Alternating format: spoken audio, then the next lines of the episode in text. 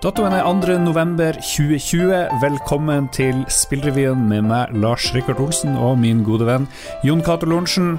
I morgen så er det valgdag i USA, men kampene som gamerne bryr seg om, er det politikk med Trumperen og Biden osv., eller er det AMD versus Nvidia? Er det Microsoft versus Sony? Vi har besøk også i dag fra Erik Fossum i Pressfire. Følger du mest med på nyheter fra amerikansk politikk, eller tenker du mest på spill eh, nå om dagen? Ja, akkurat nå så er det jo eh, kanskje litt vel mye spillfokus, men jeg håper jo at de fleste kanskje bryr seg litt mer om verdenspolitikk enn eh, en dataspill. Politikken lar i hvert fall ligge i resten av denne sendinga, for nå handler det om spillnyheter. Spilljournalister, influensere og andre har nå fått både PlayStation 5 og Xbox Series X og Xbox Series S i hus. Jon Cato og meg sjøl er ikke blant de her, og hvor irriterende er det, Jon Cato? Uh, det er jo, jeg jo hatt så å si alle konsoller de siste 25 årene på lansering, så det er litt rart. Men samtidig så er det sånn at det er jo ingenting jeg har Det er ingenting ingen spill som kommer som jeg føler at jeg savner. Så at uh, jeg har andre ting å bruke pengene på. Jeg får jo ikke kjøpt de heller før til, før til, neste år. Det er jo ingen logistikk rundt det her. Sony virker jo som de ikke klarer å produsere en brøkdel av hva de har produsert før, i hvert fall. Jeg vet jo at du, Erik, har fått alle maskinene i hus, inkludert oh, yes. Xbox Series S. Og jeg vet ikke om du kan røpe så veldig mye, men hva er det beste med å få nye maskiner i hus? Nei, det er jo litt sånn julaften når det dukker opp nye konsoller. Men eh, ja, det er som du sier, det er embargoer som gjør at jeg ikke kan si så mye. Men bare det å unboxe en ny konsoll og koble den opp og bruke masse tid inn i settings og sånn, da det er nirvana-tid for min del, i hvert fall. Hvor gira var du for next gen, eller neste generasjon, før du fikk maskinene, kontra nå etter du har fått testa dem litt? Nei, altså, De har begynt å vise litt uh, hvor gamle de egentlig er, de forrige. Så det er jo liksom hver gang man skal installere spill og lastetid og alt sånt der, uh, er helt pyton på de gamle. Så uh, Sånn sett har jeg jo vært gira på å få oppgradert. Men hypen har kanskje ikke vært så stor. Altså, når du jobber med spill, så er det liksom slag i slag i slag med spill hele tida. Så man rekker liksom ikke å, å kjenne litt på den der hypen. Men eh, det er jo det er veldig godt når jeg først har fått det nå. Du er mer fornøyd enn eh, du forventa, egentlig? Ja, det kan du jo si. Ok, spennende. Ja, for min del så er det sånn at jeg har vel egentlig ikke vært hypa på en konsoll siden uh, PlayStation. Altså, altså De eneste konsollene jeg pleier å få litt sånn hype for, er de nye Nintendo-konsollene. Fordi ja. de er litt sånn ukjente faktorer. Man vet aldri helt hva Nintendo tenker på de eksperimenterer hele tida. Mens for PlayStation og Xbox så har det liksom toer, treer, firer der det har ikke det er videreføring av uh, kjente konsepter. Det har aldri hatt sånn superhype for noen av de strengt tatt. Jeg var jo mer hypa for å teste ut nye kontrollerne ikke sant? enn å bare få spill med bedre grafikk. Og Sånn sett så er det jo, eh, som Yogato sier, den siste konsollen jeg var skikkelig hypa for, var jo Wii. Fordi jeg hadde lyst til å teste ut og prøve den nye kontrolleren. Er den virkelig så bra som folk sier? Og eh, med de nye Xboxene, eh, kanskje mest av alt, så er det jo det er jo nesten som en Xbox One, bare med bedre grafikk og harddisk.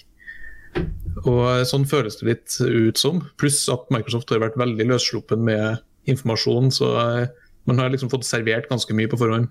De nye Xbox-kontrollene ligner ganske mye på de gamle, men det er kanskje annerledes, har jeg hørt, på PlayStation 5? På Xbox, De nye Xbox-kontrollene er helt fantastisk.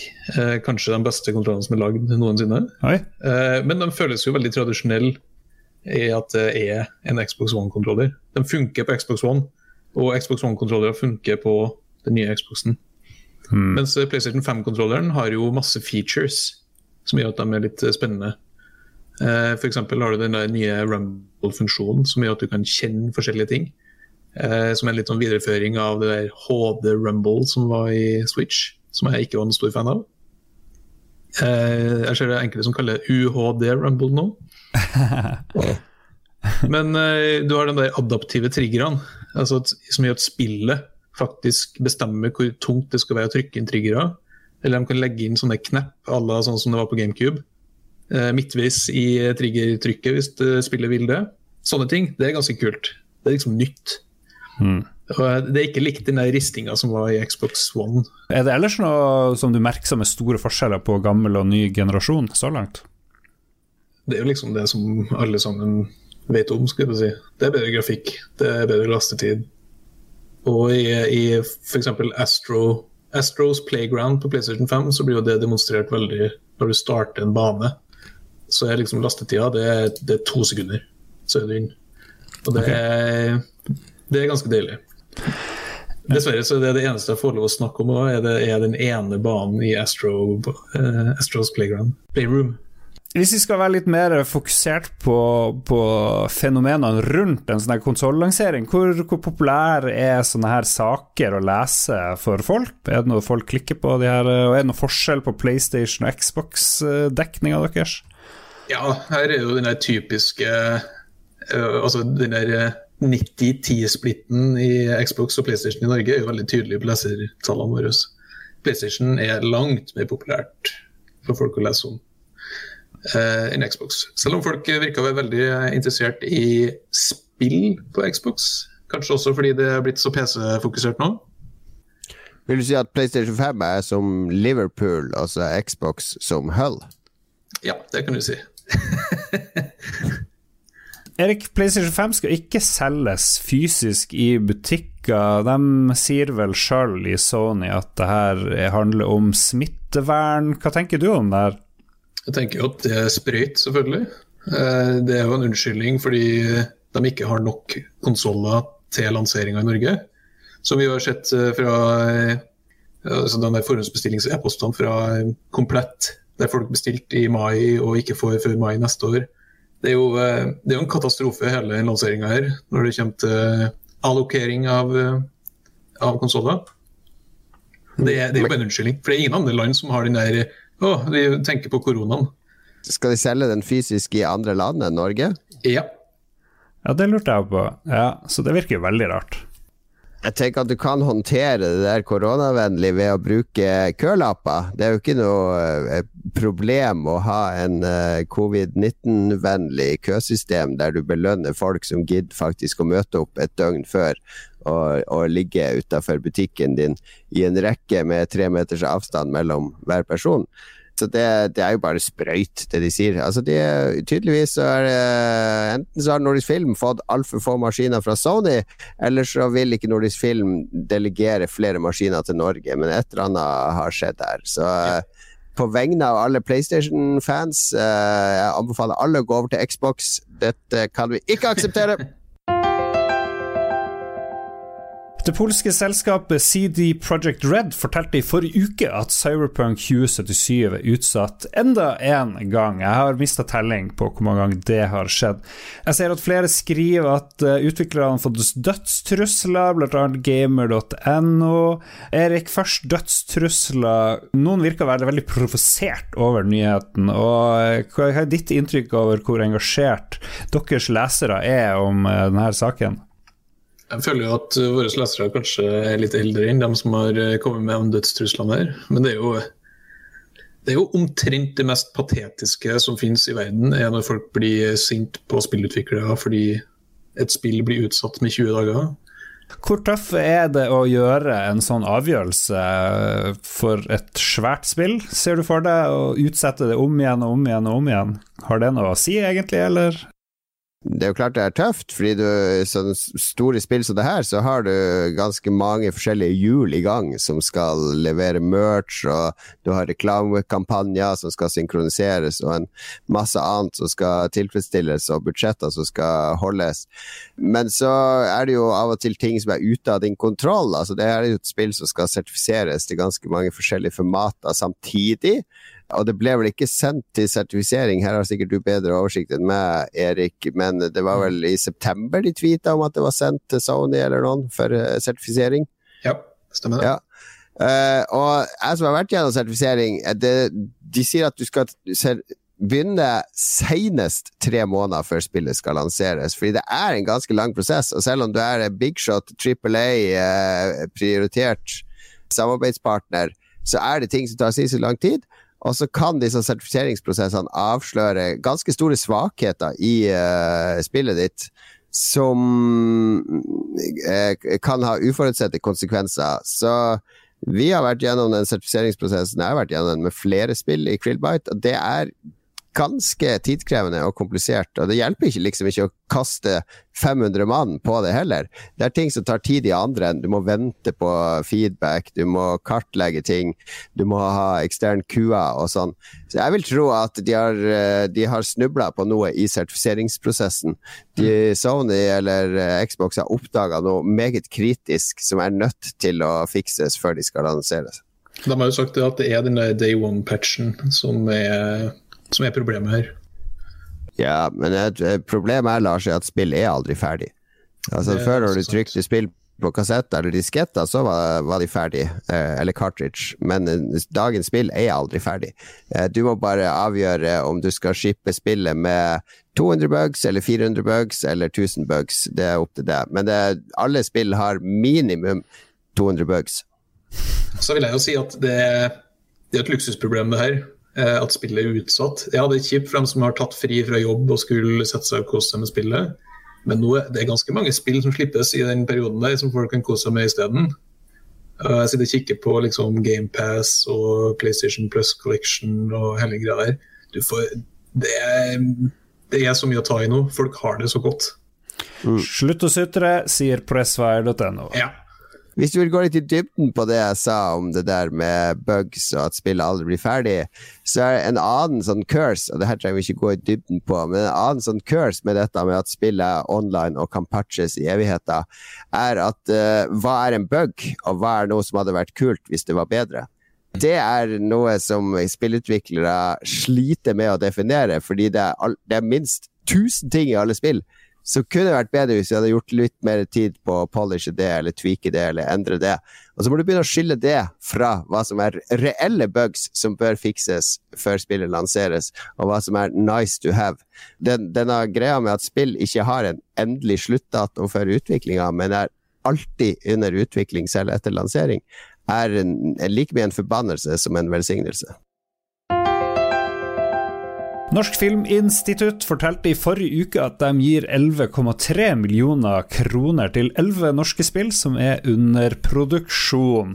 Mest får Misk Games, som nylig ga ut spillet Fishing North Atlantic, og de jobber allerede med oppfølgeren Ships at Sea, som nå får 3 millioner i støtte. Det her er jo liksom litt siste den siste utdelinga før de nye eh, forskriftene for eh, spillstøtte budsjettet trer i kraft 1.1. Tanken er vel at uh, de regionale um, filmsentrene som uh, da betyr film- og spillsentrene, skal eh, kunne gi litt mer til Litt mindre beløp til nye og ferske mm. og folk som er i startfasen, mens NFI skal kunne gi litt mer til de større og mer etablerte som, som har litt større budsjetter. Altså, jeg syns det er flott å lese alle artikler som kommer om disse tildelingene. Det er litt sånn der artig å se hva som spirer og gror, og hvilke ideer som, som sprudler opp, og ikke minst å se responsen fra lesere her er det jo veldig stor forskjell i våre to største, største spillmedier. fordi i Pressfire så ser jeg at de heier og vil ha mer penger og øke potten. Mens på gamer.no så uh, Ja, nå har ikke de skrevet om den siste tildelinga, men der har jeg lagt merke til at der er det mer Hvorfor i helvete skal vi bruke skattepenger på dette? Dette er patetisk. Skyte inn på sida her. Ja? Så jeg ble kontakta av Eller jeg ble hengt ut på Twitter av den der sløseriombudsmannen eh, da vi skrev en eh, artikkel om tildeling til spill. Ja. Og Det var i forbindelse med da spill gikk forbi musikk, som den største kultureksporten Norge har. Eh, og da var det Hvorfor skal vi bruke penger på det? Hva er liksom greia? Hvorfor kan vi ikke bruke pengene på sykehus og sånn isteden? Men så viser det seg at pengene som staten spytter inn i spill, kommer jo tilbake med renter. For de 30 millioner kronene som ble brukt, så henta vi jo inn eh, 380 millioner kroner i penger fra utlandet. Og Da sier det seg sjøl at det her er god business. Eh, det er investering når det, invest når det gis penger til kulturprodukter, dataspill. Altså Det er ikke handouts her. Og hva sa sløseriombudsmannen da? Ja, han, han, ga seg faktisk. Ja. Eh, det var kanskje ikke dummest å bruke penger på, fikk jeg til slutt. En domstol i Nederland slår fast at lootboxene i Fifa-spillene strider mot loven. Electronic Arts forteller at de skal anke avgjørelsen og mener at den er feil. Det nederlandske lotteritilsynet, og det her har jeg øvd på, Spell Autoritet, truer med ukentlige bøter på 5 millioner euro hvis EA ikke føyer seg. Og det jeg lurer først på, er det hvor, hvor stor grad tror vi det her kan smitte over på andre land? Jeg måtte jo google litt og ser at Belgia har samme regler som Nederland, og det er varsla rettssaker i Canada og Frankrike. Mens eh, i Norge så anses vel ikke luteboksene i Fifa som gambling, og det er vel bare å tute og kjøre her foreløpig. Norge er, har lagt seg på en litt sånn eh, passiv retning, føler jeg, når det kommer til akkurat det der. For de lener seg på det eksisterende lovverket, og under det så er det ikke gambling. Og så har de liksom bare latt det være med det. Det er ikke noe mer eh, Det er ikke, det er ikke blitt noe utfordra på noen som helst måte, føler jeg. Eh, det har ikke vært noe snakk om å endre lovgivning for å få eh, lootboxer og sånt til å være under det, og da står vi der vi står. Så det, det som er spennende her nå, er jo om EA tjener mer enn 5 millioner euro på FUT i Nederland. Eh, hver uke. Ja. Fordi hvis de gjør det, så kan de bare fortsette, betale bota og likevel få inn litt penger. Det er jo det de tjener på. altså Hvor viktig er lootboxer for disse spillene? For Fifa så har det jo blitt essensielt. De kunne jo Absolutt. gitt bort spillet og, og, gått i stor pluss bare pga.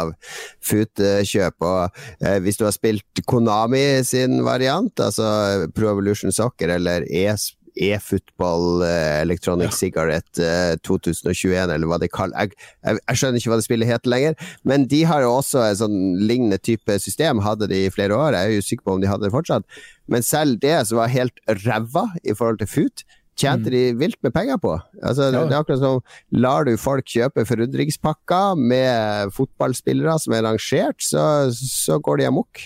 FUT eller Fifa Ultimate Team blir jo beskyldt for å være en sånn gateway mot gambling, og at folk eh, rett og slett eh, de, de, bruker penger de kanskje ikke bør bruke, og det er ikke noen aldersgrense sånn sett i Fifa, men at det kan føre til at man begynner å hive seg på sånne andre online-ting eh, når man har mulighet eller er gammel nok til det. Altså, det er ikke så veldig mye forskning på det enda. Det er veldig mye som er på vei, og så er det litt som har kommet og som peker litt mot at kids som uh, bruker det her, uh, vil få litt mer trøbbel fremover når de blir eldre. Men uh, sånn, når du snakker om moralsk riktighet i det, så vil jeg jo si at der er det litt lettere å kunne sette ned foten og si at det er, det er ikke en bra greie. Fordi det er pay to win. hvis du ikke betaler Hele spillet liksom er skrudd til rundt det. Gameplayet i spillet er lagd for å skulle trekke folk mot det eh, kjøp av fotballpakka. fotballpakker. Og da er det jo moralsk eh, forkastelig, spør du meg. Eh, businessmessig er det jo helt innafor og alt sånt her. Så får vi se da om det, om det faktisk blir definert som gambling etter hvert. Men, men, det er det jo på tivoli og sånn òg. Altså, det er billig å komme inn, og så koster det 50 kroner for litt vann, og så koster det 20 kroner å gå på do, og så, det, så er det lokke, ting som skal lokke deg til å bruke penger overalt. Er det ikke ja, det litt altså, det samme? Man, man, kan jo liksom peke mot uh, vanlige fotballkortpakker og Pokémon og uh, sånne Gatcha-automater og sånne ting òg. Jeg vil jo minne om han Rune Menzoni, spillforsker og psykolog i Bergen. Han brukte jo over 30 000 kroner på sånne Fifa-pakker for å se hva han fikk, og han fikk jo mm. nesten bare drit. Det var vel ett sånn, et av de beste kortene han fikk av de der 30 000. Nei, han fikk ingen som var over 90. Ingen, ja. ja, nettopp. Ja, sånn var det. Så det var, ikke sant, det er sånne ting. det man eh, punger ut, og så får man ingenting tilbake. Eh, og det er jo litt den der man får ingenting tilbake, som har blitt brukt som en grunn her i Norge til at det ikke er gambling. Men pengene er jo, pengene er jo vekk. Men er det så lett at man bare gir 18-årsgrense til Fifa? Det kunne jo være en mulighet. Ja, men problemet her er at det er jo ikke 18-årsgrense på noen som helst når det gjelder dataspill. Det er en, eh, det er en veiledende aldersmaking, og det er ikke det samme litt sånn der, uh, farlig poeng her Nå har jo jeg argumentert litt mot Erik for at vi skal få en debatt, ja, ja, for jeg er jo egentlig enig med Erik uh, i det meste her. Men så farlig sånn sidespor her uh, som jeg har lagt merke til, er jo at gamblingselskapene virker det som prøver å flytte seg nærmere dataspillbransjen nå. Fordi de ser at dataspillbransjen nå må håndtere en uh, typisk gamblingproblematikk.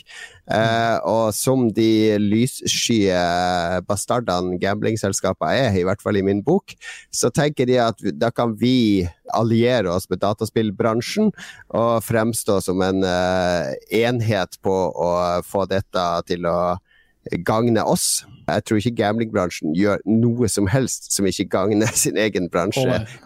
Vi får jo mailer hele tida. Altså, hver uke så er det minst to-tre e-poster til Pressfire fra gamblingselskaper verden over. Som har lyst til å kaste penger på oss øh, og få oss til å reklamere for dem. Eller når de får beskjed om at det er strengt ulovlig, så er det ja, men hva om dere kan vi liksom få ordna en annen løsning? Og der er hmm. Sånn, sånn, har det blitt, liksom. Eh, jeg tror det er for at de to bransjene eh, altså gamblingbransjen kikker mot spillbransjen og ser at oi, spill eh, spillselskaper har fått folk hekta på ting uten at det er en pengebetaling i, som lokker dem inn. Hva er det de har gjort? Kan vi dra nytte av det? Kan vi kombinere de to? Det blir jo en sånn Det blir en psykologisk spill til slutt, da. Hvor mye mm. penger kan vi dra ut av Wales?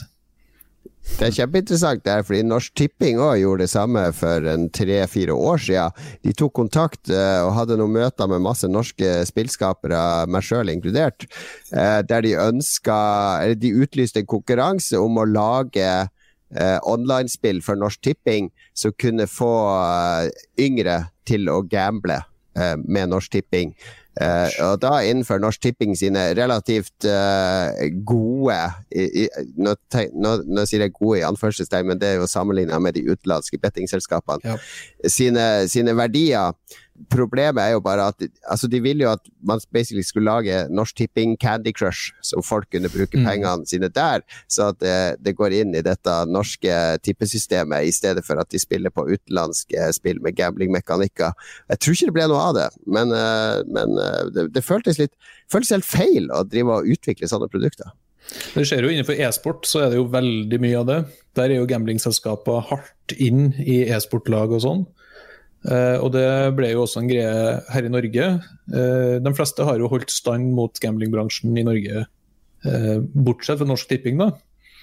men vi så det med E-sportforbundet da de ble nyetablert. Så var jo det første partneren de annonserte, var jo et utenlandsk gamblingselskap. Til stor ståhei, og til slutt så endte jo ikke opp med noe som helst. Men det, det var jo en billig måte for det selskapet å eh, fortsette den debatten som har vært om at eh, det er monopol med Norsk Tipping og sånn. Og Da brukte de eh, Norges e-sportforbund som eh, nyttige idioter i den sammenhengen. Kan dere ikke bare hoste Pressfire i London og så få eh, seks millioner fra Betson i året, Erik, og lage verdens beste journalistikk?